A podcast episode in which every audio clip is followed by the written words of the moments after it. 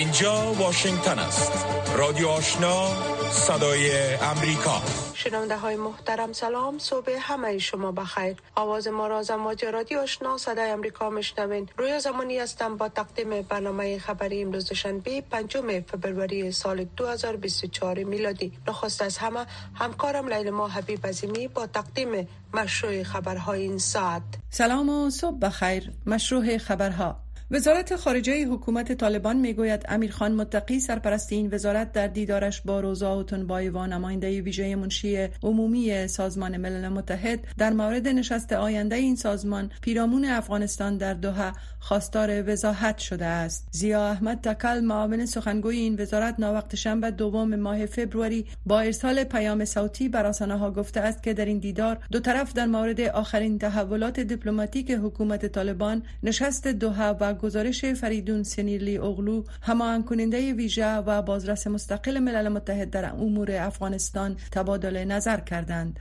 بایووا در این دیدار برخی از معلومات را در مورد نشست دوحه با امیرخان متقی شریک کرده و خواستار اشتراک هیئت طالبان در آن شده است. قرار است ملل متحد به تاریخ 18 و 19 ماه جاری میزبان نشست مشورتی در مورد افغانستان در دوحه پایتخت قطر باشد. جبهه مقاومت ملی افغانستان گروه ضد طالبان ادعا می کند که در حمله نیروهایش در کابل دو تن از طالبان کشته و دو تن دیگر زخمی شده اند در خبرنامه این جبهه که روز یک شنبه منتشر شد. آمده است که این حمله شب گذشته به یک قرارگاه طالبان در منطقه برشناکوت در مربوطات ناحیه هفتم شهر کابل صورت گرفته است. این ادعا از سوی منابع مستقل تایید نشده و طالبان نیز در این باره هنوز چیزی نگفتند شمار از سیاستمداران و مقامهای پیشین افغانستان یک جنبش سیاسی را تحت عنوان مجمع فدرال خواهان افغانستان اعلام کردند. سرور دانش معاون دوم رئیس جمهور پیشین افغانستان در صحبت این شورا از طالبان خواست که فدرالیزم را بپذیرند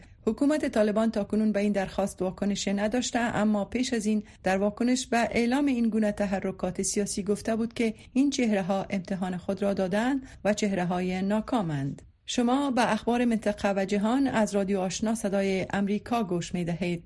دیروز یک شنبه 115 همین روز از تحسن در شهر چمن پاکستان گذشت. اما به نظر می رسد که به خواسته های اساسی مظاهره کنندگان توجه نشده است. رئیس اتحادیه تجار چمن و سخنگوی تحسن کنندگان ناوقت روز شنبه به رادیو آزادی گفت آنان پاسپورت و ویزا را قبول ندارند. تحسن جاری در چمن از دوازدهم ماه اکتبر سال 2023 به اشتراک هزاران تن ادامه دارد و آنها می خواهند شرط داشتن پاسپورت و ویزا برای سفر به افغانستان را لغو کنند. حکومت موقت پاکستان و اداره ایالتی بلوچستان درخواست لغو شرط داشتن پاسپورت و ویزا را رد کردند حکومت پاکستان تمدید مدت اقامت پناهجویان افغان ثبت نام شده مقیم آن کشور را منظور کرد. کابینه موقت پاکستان با درخواست وزارت سرحدات و قبایل آن کشور این تصمیم را گرفته و بر اساس آن مدت اعتبار کارت های مهاجرت یا POR تا پایان ماه مارچ سال جاری تمدید شده است. قبلا این درخواست وزارت سرحدات و قبایل پاکستان مورد قبول حکومت موقت قرار نگرفته و با انتقاد مسترد شده بود. در ادامه تفصیل خبرهای جهان از رادیو آشنا صدای امریکا وزارت خارجه ایران می‌گوید که حملات ایالات متحده و بریتانیا بر مواضع شورشیان حوسی در یمن مخالف پالیسی این کشور برای جلوگیری از گسترش تنشها در شرق میانه است. ناصر کنعانی سخنگوی وزارت خارجه ایران دیروز یکشنبه چهارم ماه فبروری اتهام وارد کرد که ایالات متحده و بریتانیا در تداوم حمایت تمام ایار خود از رژیم صهیونیستی با اقدامات نظامی خود در سطح منطقه در حال دامن زدن به هرج و مرج و ناامنی هستند. وی افزود که حملات این دو کشور تعارض کاملا آشکار با ادعاهای مکرر واشنگتن و لندن دارد که می‌گویند خواستار گسترش جنگ و درگیری در منطقه نیستند. این مقام ایرانی اضافه کرد که حملات امریکا و بریتانیا بر یمن صلح و امنیت بین المللی را تهدید خواهد کرد. پنتاگون روز گذشته گفت ایالات متحده و بریتانیا حملات هوایی را بر مواضع حوسی های تحت حمایت ایران در 13 نقطه در داخل خاک یمن انجام دادند. در بیانیه وزارت دفاع ایالات متحده آمده است که هدف از این حملات دقیق مختل کردن و تضعیف توانایی های است که حوسی ها برای تهدید تجارت جهانی و جان دریانوردان بیگناه استفاده می کنند یحیی سری سخنگوی این گروه گفت این حملات مانع موقف حمایت مستحکم ما از مردم فلسطین در نوار غزه نخواهد شد. این شورشیان تهدید کردند که تا زمان توقف عملیات اسرائیل علیه حماس و حملات خود علیه کشتی ها ادامه خواهند داد. وزیر داخله ترکیه از دستگیری 34 تن و اتهام ارتباط با گروه دولت اسلامی یا داعش خبر داده است. علی یرلیکایا روز شنبه در شبکه اکس یا توییتر سابق نوشته است که این افراد در جریان عملیات گسترده که ادامه دارد دستگیر شده اند. با گفته یرلیکایا همه افراد دستگیر شده اتباع خارجی بوده و تحت تعقیب پلیس بین المللی انترپول قرار داشتند و تا کنون مقادیر زیاد اسلحه غیر مجاز نیز کشف و ضبط شده است. زمانی که یک شنبه گذشته یک تن در اثر حمله بر کلیسای در شهر استانبول کشته شد مقامات ترکیه عملیات را علیه گروه دولت اسلامی تشدید بخشید. مقامات ترکیه می‌گویند پلیس 25 فرد مزنون را به ارتباط به این رویداد دستگیر کرده که دو تن آنها مسلح بودند روسیه خواستار برگزاری اجلاس فوری شورای امنیت سازمان ملل متحد در مورد حملات هوایی ایالات متحده امریکا بر سوریه و عراق شده است. دیمیتری پولینسکی معاون اول نماینده دائمی روسیه در سازمان ملل متحد سوم ماه فبروری در شبکه های اجتماعی نوشته است که روسیه درخواست نشست فوری شورای امنیت سازمان ملل متحد را در مورد تهدید به صلح و امنیت ناشی از حملات امریکا بر سوریه و عراق را دارد. جمعه شب ایالات ایالات متحده امریکا بیش از 85 هدف را در هفت منطقه عراق و سوریه بمباران کرد که جنگجویان طرفدار ایران و یا سپاه پاسداران از آن استفاده می کردند. جو بایدن رئیس جمهوری ایالات متحده امریکا در اعلامیه گفته است که در آینده حملات مشابه بیشتری انجام خواهد داد. این حملات در واکنش به حمله آغاز هفته گذشته بر نیروهای امریکایی در اردن صورت گرفت که در آن سه اسکر امریکایی کشته شد. روسیه ادعا می کند که 28 تن در حمله اوکراین در شرق اوکراین کشته شده است. کارکنان تیم نجات اجساد بیشتری را از زیر آوار یک ساختمان در شهر اشغال شده لیسیچانسک در شرق اوکراین پیدا کردند. با پیدا شدن اجساد بیشتر شمار تلفات به 28 تن رسیده است. این ساختمان با مرمی توپ نشانه گرفته شده بود. وزارت حالات اضطراری روسیه در تلگرام دیروز یکشنبه چهارم فوریه نوشت یک کودک شامل قربانیان است. با گفته این وزارت ده تن نجات داده شده اند. مقام ها در منطقه لوهانسک که تقریبا به طور کامل توسط روسیه کنترل می شود در آغاز گفته بودند که این حمله توسط تیاره بی سرنشین اوکراینی صورت گرفته است. اما سپس با تغییر توضیحاتشان اعلام کردند که مرمی توپ شلیک شده از سوی اوکراین به ساختمان اصابت نموده است. با گزارش مرکز خبر رادیو آزادی این ادعا به طور مستقل تایید نشده و مقام های اوکراینی نیز در این باره هنوز چیز نگفتند اتحادیه اروپا سوم ماه فبروری در مورد گزارش های مبنی بر اینکه اردوی اسرائیل قصد دارد جنگ را علیه حماس تا شهر رفح ادامه دهد ابراز نگرانی عمیق کرد. جوزف بورل رئیس پالیسی خارجی اتحادیه اروپا گفت حدود یک میلیون فلسطینی با تدریج به امتداد مرزهای مصر آواره شده اند و اگر اسرائیل جنگ زمینی خود را تا آنجا ادامه دهد جای برای رفتن نخواهند داشت و وضعیت رفح را بسیار وخیم توصیف کرد. رفح جنوبی ترین شهر نوار غزه میزبان بیش از نیمه از دو اشاریه سه میلیون ساکن غزه است و آنها پس از فرار از حملات تقریبا چهار ماهه اسرائیل با آنجا پناه برده اند این در حال است که نیروهای اسرائیلی روز شنبه های از شهر رفح را هدف حملات هوایی قرار دادند. وزارت صحت غزه که توسط حماس اداره می شود دیروز یک شنبه اعلام کرد که کم از کم 27365 تن در این منطقه در جریان جنگ بین شبه نظامیان فلسطینی و اسرائیل کشته شدهاند در بیانیه وزارت صحت غزه آمده است که آخرین احصایه شامل 127 کشته در 24 ساعت گذشته است. در حالی که از زمان آغاز جنگ در هفتم اکتبر در غزه در مجموع 66630 تن زخمی شده اند پایان مشروع خبرهای افغانستان جهان تا این ساعت از رادیو آشنا صدای امریکا.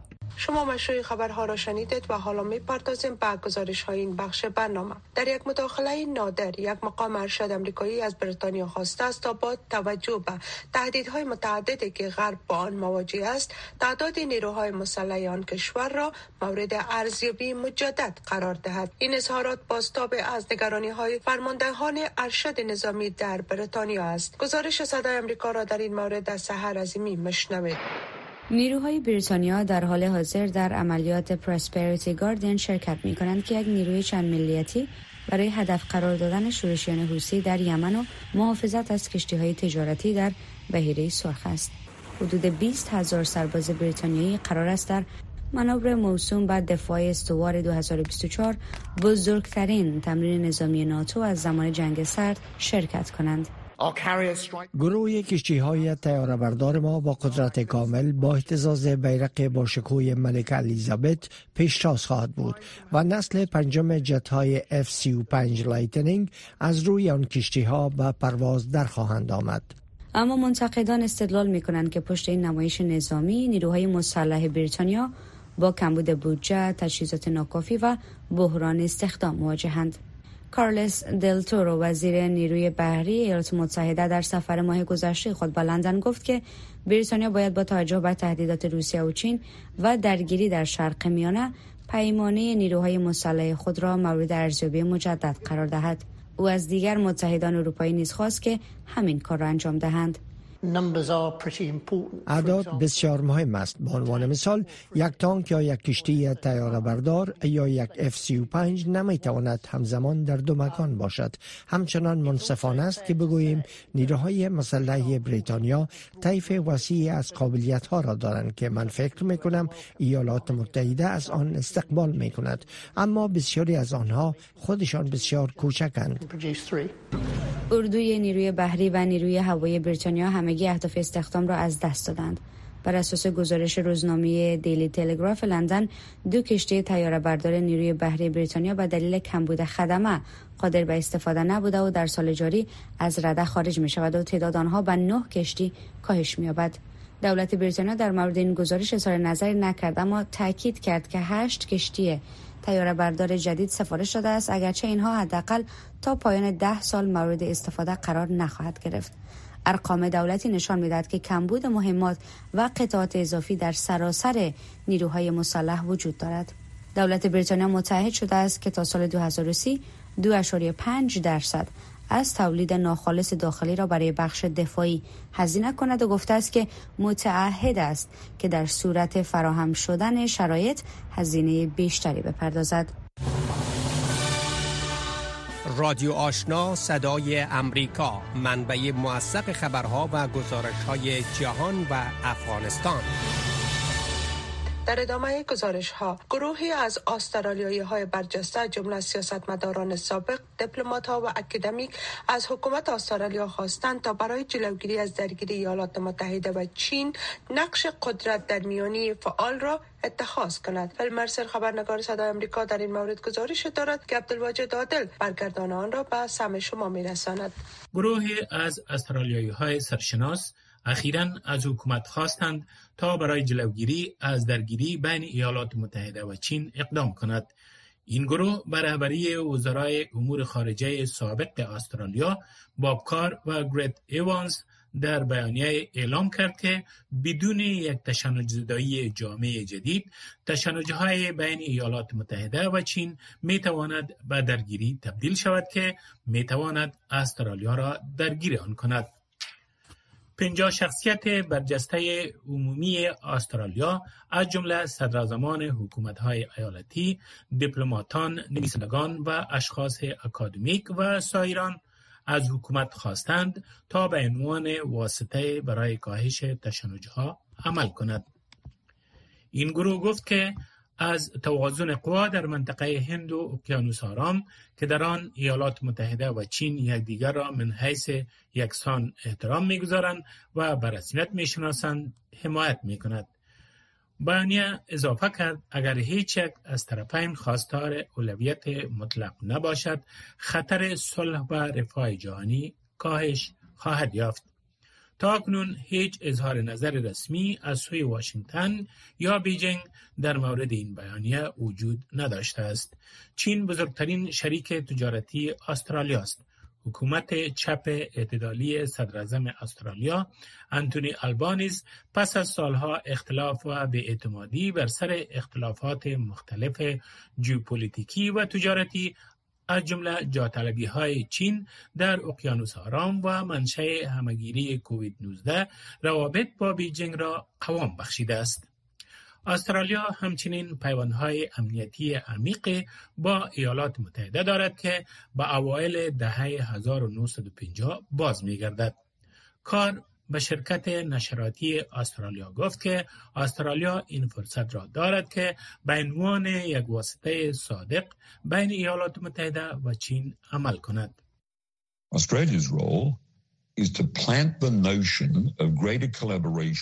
نقش استرالیا این است تا مفهوم همکاری بیشتر و گفتگوهای کمتر خسمانه را در روابط ایجاد کند. تایوان من حیث یک پرسش پرازمون دیپلماتیک در اینجا فرصت عالی برای زبان دیپلماتیک با عنوان جاگزین برای فرو رفتن در درگیری و مشاجره فراهم می کند که می تواند منجر به جنگ شود.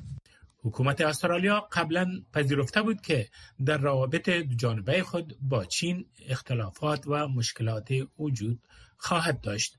حکومت استرالیا در حال پیشبرد برنامه های برای دستیابی به تحت البحری های هسته‌ای تحت توافقنامه AUKUS با ایالات متحده و بریتانیا می باشد. تحلیلگران می‌گویند که قاطعیت فزاینده چین یک انگیزه کلیدی در پشت توافق سه جانبه AUKUS است. اما چین این سه کشور را به ذهنیت جنگ سرد متهم کرده و می‌گوید ائتلاف در مسیر خطا و خطر قدم گذاشته است. رادیو آشنا صدای امریکا. پنج تا هفت صبح و هفت شام تا ده شب.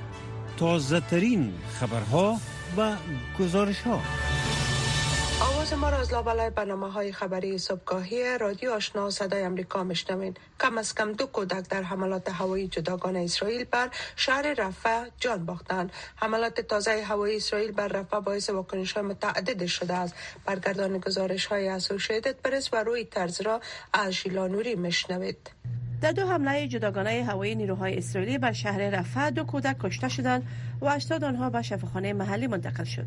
یکی از باشندگان منطقه می‌گوید که حملات وقت شب شنبه صورت گرفت و زنان و کودکان در این حمله زیان دیشب حوالی ساعت 11 شب اتاق ما هدف حمله درون قرار گرفت. زنان کودکان در اتاق بودند و دیوارها بر آنان فرو ریخت. صحنه ناراحت کننده ای بود و یک طفل به نام آلیا کشته شد. و یک کس دیگر ماریا گفتند که شهید شده اما خوشبختانه نجات یافته اما وضعیت صحی او وخیم است. اولین حمله اسرائیل بر پناهگاه جنینا در رفح باعث کشته شدن یک کودک 12 ساله شد و ده ها نفر را زخمی نمود. حمله دوم بر اتاق یک مزرعه در غرب رفح نزدیک سرحد بود که در آن یک کودک دو نیم ساله جان باخت. ایمان لباسی خاله کودک هلاک شده است او چنین توضیح می‌دهد. با خانوادم که به جا شده اینجا در یک اتاق در مزرعه زندگی می‌کنیم نیمه شب دفتن با اتاق ما راکت خورد. خواهرزاده هم شهید شد. فقط دو نیم ساله بود و سایر افراد زخمی شدند. برخی در شفاخانه اروپایی در بخش مراقبت های ویژه هستند. شکر خدا که برخی کمتر آسیب دیدند و صحت یاب می شوند سازمان ملل متحد هشدار داده است که رفع به نقطه فشار و ناامیدی مبدل شده است. و هزاران نفر از شهر خانیونس و سایر نقاط شهرک های جنوبی باریکه غزه پناه بردند. روز یک شنبه فلسطینی ها در رفح و پاکاری آوانها پرداختند که عملات هوایی اسرائیل خانه های آنها را در حملات شب شنبه. اتحادیه اروپا روز شنبه نسبت به گزارش های مبنی بر اینکه اردوی اسرائیل قصد دارد جنگ را علیه حماس تا شهر رفح ادامه دهد ابراز نگرانی عمیق کرد. جوزف بورل رئیس پلیسی خارجی اتحادیه اروپا گفت که حدود یک میلیون فلسطینی به تدریج به امتداد مرزهای مصر آورده شدهاند و اگر اسرائیل جنگ زمینی خود را تا آنجا ادامه دهد جایی برای رفتن نخواهند داشت. او وضعیت رفع را بسیار وخیم توصیف کرد. این وضعیت یک مصیبت بشری است نه به خاطر زلزله یا آفات طبیعی اما به خاطر که جنگ باعث شده صدها هزار نفر به جنوب باریکه غزه بیجا شوند. در صورتی که اردو اسرائیل به بمباری مناطق جنوبی ادامه دهد وضعیت بدتر خواهد شد و مصیبت بشری به دست انسان ها اتفاق خواهد افتاد. اردوی اسرائیل امروز یک شنبه تصاویر منتشر ساخته است که در آن حملات هوایی بر باریکه غزه را نشان می‌دهد. این تصاویر سربازان اسرائیلی را در حال گله‌باری به اهداف نامعلوم و حملات هوایی اردو شلیک میزایل نشان می‌دهد. در همین حال عثمان حمدان یک مقام گروه حماس روز شنبه گفت 120 روز جنگ اسرائیل بر غزه برای اسرائیل و متحدینان شرم‌آور است. این مقام حماس در اظهاراتش در بیروت پایتخت لبنان حملات ایالات متحده را بر مناطق شرق میانه محکوم کرد و از مصر و قطر به خاطر تلاش ها برای مذاکره و آتش بس اظهار امتنان نمود. رادیو آشنا صدای امریکا پنج تا هفت صبح و هفت شام تا ده شب. تازه ترین خبرها و گزارش ها برخی تحلیلگران منطقه به این باور هستند که جنگجویان تحریک طالبان پاکستان یک تهدید بالقوه برای آینده حکومت تلقی می شود و به همین دلیل مقامات در اسلام آباد تلاش دارند فشار بیشتر بر طالبان افغانستان برای مهار این گروه اعمال کنند. گزارشی را در این مورد مروی زمانی تقدیم شما می کنم. پاکستان پس از تسلط دوباره طالبان بر افغانستان به گونه علنی در نشست های بین المللی برای تعامل جهان با این گروه لابیگری می کرد. دلیل این که اسلام آباد این گونه از حاکمان طالبان در افغانستان می‌خواهند تا با گروه های مسلح مخالف حکومت طالبان مبارزه کنند برخی تحلیلگران امور بین المللی مثل صادق امینی اظهارات اخیر مقامات نظامی و ملکی پاکستان علیه طالبان را یک نوع سرخوردگی و ناکامی استراتژیک پاکستان در قبال طالبان عنوان می کنند. اما احمد ماد یوسف زای آگاه مسائل سیاسی مقیم اسلام آباد می‌گوید که نگرانی پاکستان از حضور جنگجویان تی تی پی است که پس از حاکمیت طالبان از زندانهای افغانستان رها شدند. اوس پاکستان سره دا غم دی چې کله واورې ختم شي او موسم لګ خشي نو کې دي شي د تحریک طالبان پاکستان چې کوم جنگیالي دی او ځل بیا خپل کاروانو کې بیا توندی راولي د دې مخ نیول لپاره هغه بیا بیا د افغان طالبانو او واک اختیار باندې دی وکي هغي ډډه کوي چې هغه د تحریک طالبان پاکستان جنگیالو خلاف کاروان وکړي چې پاکستان ته لګ راتلونکي وخت پامن کې پاتې شي اما مقامات حکومت طالبان بارها چنین ادعاهای اسلام آباد را رد کرده و گفتند که به هیچ کس اجازه نمی‌دهند که از خاک افغانستان علیه کشور استفاده کند. هدایت الله پکدین آگاه امور بین الملل در کابل می‌گوید که عدم موجودیت ثبات در سیاست خارجی پاکستان و مسئولیت گریزی حاکمان اسلام آباد باعث گردیده است مقامات پاکستانی برای رفع مشکلات امنیتی کشورشان خواهان اقدامات بیشتر مقامات حکومت طالبان شوند. در زمان حکومت پرویز مشرف اینها با آمریکا همکاری کردند و بعدا حتی با بعضی مناطق پشتون یا وزیرستان اینا حملات انجام دادن و حتی بعضی خانه ها از بین رفتن مارکت ها و قریه ها از بین رفتن. بعد از او تی شکل گرفت که در مقابل حکومت پاکستان سلاح برداشتن. امروز این یک مسئله داخلی پاکستان است و پاکستان تلاش می‌کنه که از مسئولیت عهده خالی بکنه و ای را به عهده به عهده امارت اسلامی افغانستان بیاندازه صادق امینی تحلیلگر امور سیاسی و بین المللی استدلال می کند که در بیش از سه دهه پاکستان بالای گروه های حراس افغان در افغانستان سرمایه گذاری کرده است که طالبان یکی از این گروه هاست.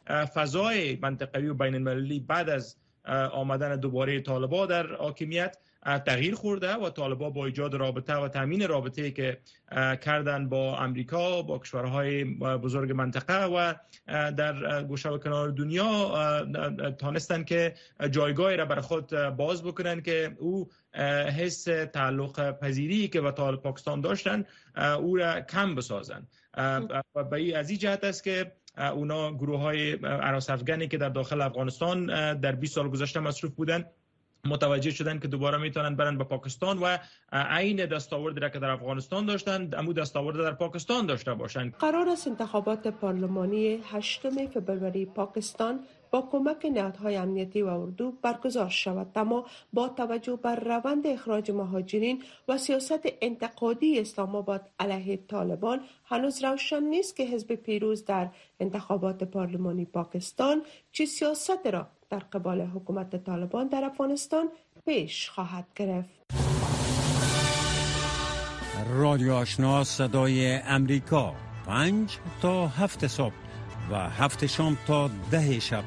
تازه ترین خبرها و گزارش ها در ادامه گزارش ها کمیته حمایت از نظامیان پیشین افغانستان از جمعه جهانی به ویژه ایالات متحده و کانگرس این کشور خواسته است که نظامیان پیشین افغان را تنها نگذارند. این کمیته روز یک شنبه چهارم فبروری با نشر اعلامیه در پیوند به نشست کمیته روابط خارجی کانگرس ایالات متحده گفته است که نظامیان پیشین به شدت نیازمند توجه بیشتر است. در رابطه به اینکه آیا نظامیان پیشین افغان می توانند در آینده این کشور نقش داشته باشند حفیظ آصفی مطلب را تهیه کرده است که اینک به سم شما رسانیده می شود کمیته حمایت از نظامیان پیشین افغانستان از ایالات متحده و کانگرس کشور خواسته که نظامیان پیشین افغان را تنها نگذارند. پیش از این دفتر هیئت معاونت ملل متحد در افغانستان با تاریخ 22 ماه جنوری با نشر گزارش گفته بود که با وجود تاکید مقام های طالبان بر تعهداتشان در تطبیق فرمان عفو عمومی رهبری گروه مواردی از کشتار فراقانونی بازداشت ها و توقیف های خودسرانه ثبت شده اسحاق قطمر دلیگر مسائل سیاسی و نظامی می‌گوید که نظامیان حکومت پیشین افغانستان که در حال حاضر در افغانستان به سر می‌برند با تهدیدهای جدی از سوی حکومت طالبان مواجهند در مجموع اگر این راپورایی را که شما مطالعه بکنید گزارش هایی که مثلا خود آقای بنت وقتی که گزارش داد من همین گزارش خواندم. بود تا 17 ست یا 18 ست تو مورد اونا ذکر کردن که نظامی های سابق به صورت هدفمند گرفتار میشن شکنجه میشن و کشته شدن. و حتی در رسانه های مجازی خود نامشان عکسایشان تصویرهایشان ویدیوهایشان هم نشر شده که با دیدن از او ما جای شک و تردید نمیمانه که طالبان میگن که ایران ما رد می‌کنیم. طالبان اصلا این مسائل قبول نمی‌کنن و ابدا هم حاضر نمیشن که اینا با این واقعیت اعتراف می‌کنن که اینا نه تنها نظامی ها بلکه افراد و اشخاص که در حکومت های سابق کار کردن اونا رو از بله. پشت خانهایشان بردن از سرک بردن شان بردن و یک تعداد از اینا زمانی که از زندان ها رها شدن قسمی که خودشان اعتراف کردن شکنجه شدن زده شدن بیخوابی ها و شکنجه ها و از اونا زیاد داده و حتی یک تعداد این معیوب شدن.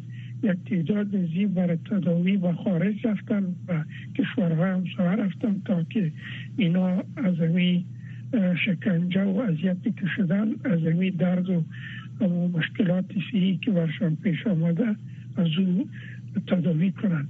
دیگه ما فکر می‌کنم این بسیار یک گپ واضح است که تلیش که اینا یک تعداد خودسرانه تا این شاید هم از مقامات خود طالبان این تصمیم بشن نباشه اما یک تعداد مردم خودسرانه دست به گرفتاری ها زدن و مشکنجه وزار هم کردن و حتی تا سرحد که اینا کشتن هم بعض مردم عربی در رسانه ها آمده با نامشان با فامیلشان با تصویرهایشان با ویدیوهایشان موجود است.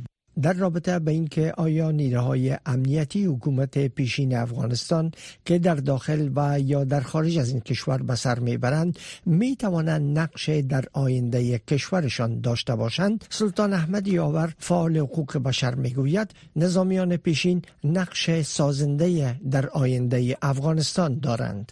در فعلا نقش دارند. در آینده نقش دارند نیروهای رزمی ما هستند نیروهای تحصیل یافته ما هستند در هر کجای دنیا که باشند اینا بنیادگران نیستند اندیشای وطنی دارند این نظامی های ما ظرفیت های ما در هر گوشه دنیا که باشند اینا فکرشان منظومه فکریشان اونمو وطن است که گفته بودن. خدا وطن وظیفه. این در ذهنایشان است. این از ذهنشان طالب هم گرفتن نمی‌تونه کس دیگه هم گرفتن نمی‌تونه اینا در هر جای نقطه دنیا که باشه حال هم اونمو اندیشایشان پاورجا است. اونمو اندیشا در ذهنشان است. با به آینده افغانستان اینا خدمت می‌کنن. من عرض من است که آینده وطن ما اینا افغانستان زنده میمونه این نظامی های ما هم در جز ملت افغانستان زنده هستند و امروز هم نقش دارند و فردان نیروهای بسیار سرفراز و سربلند وطن هستند. شنونده های محترم این بود داشته های بخش برنامه که تقدیم شما شد. برنامه های رادیو آشنا صدای امریکا همچنان ادامه دارد. با ما باشید.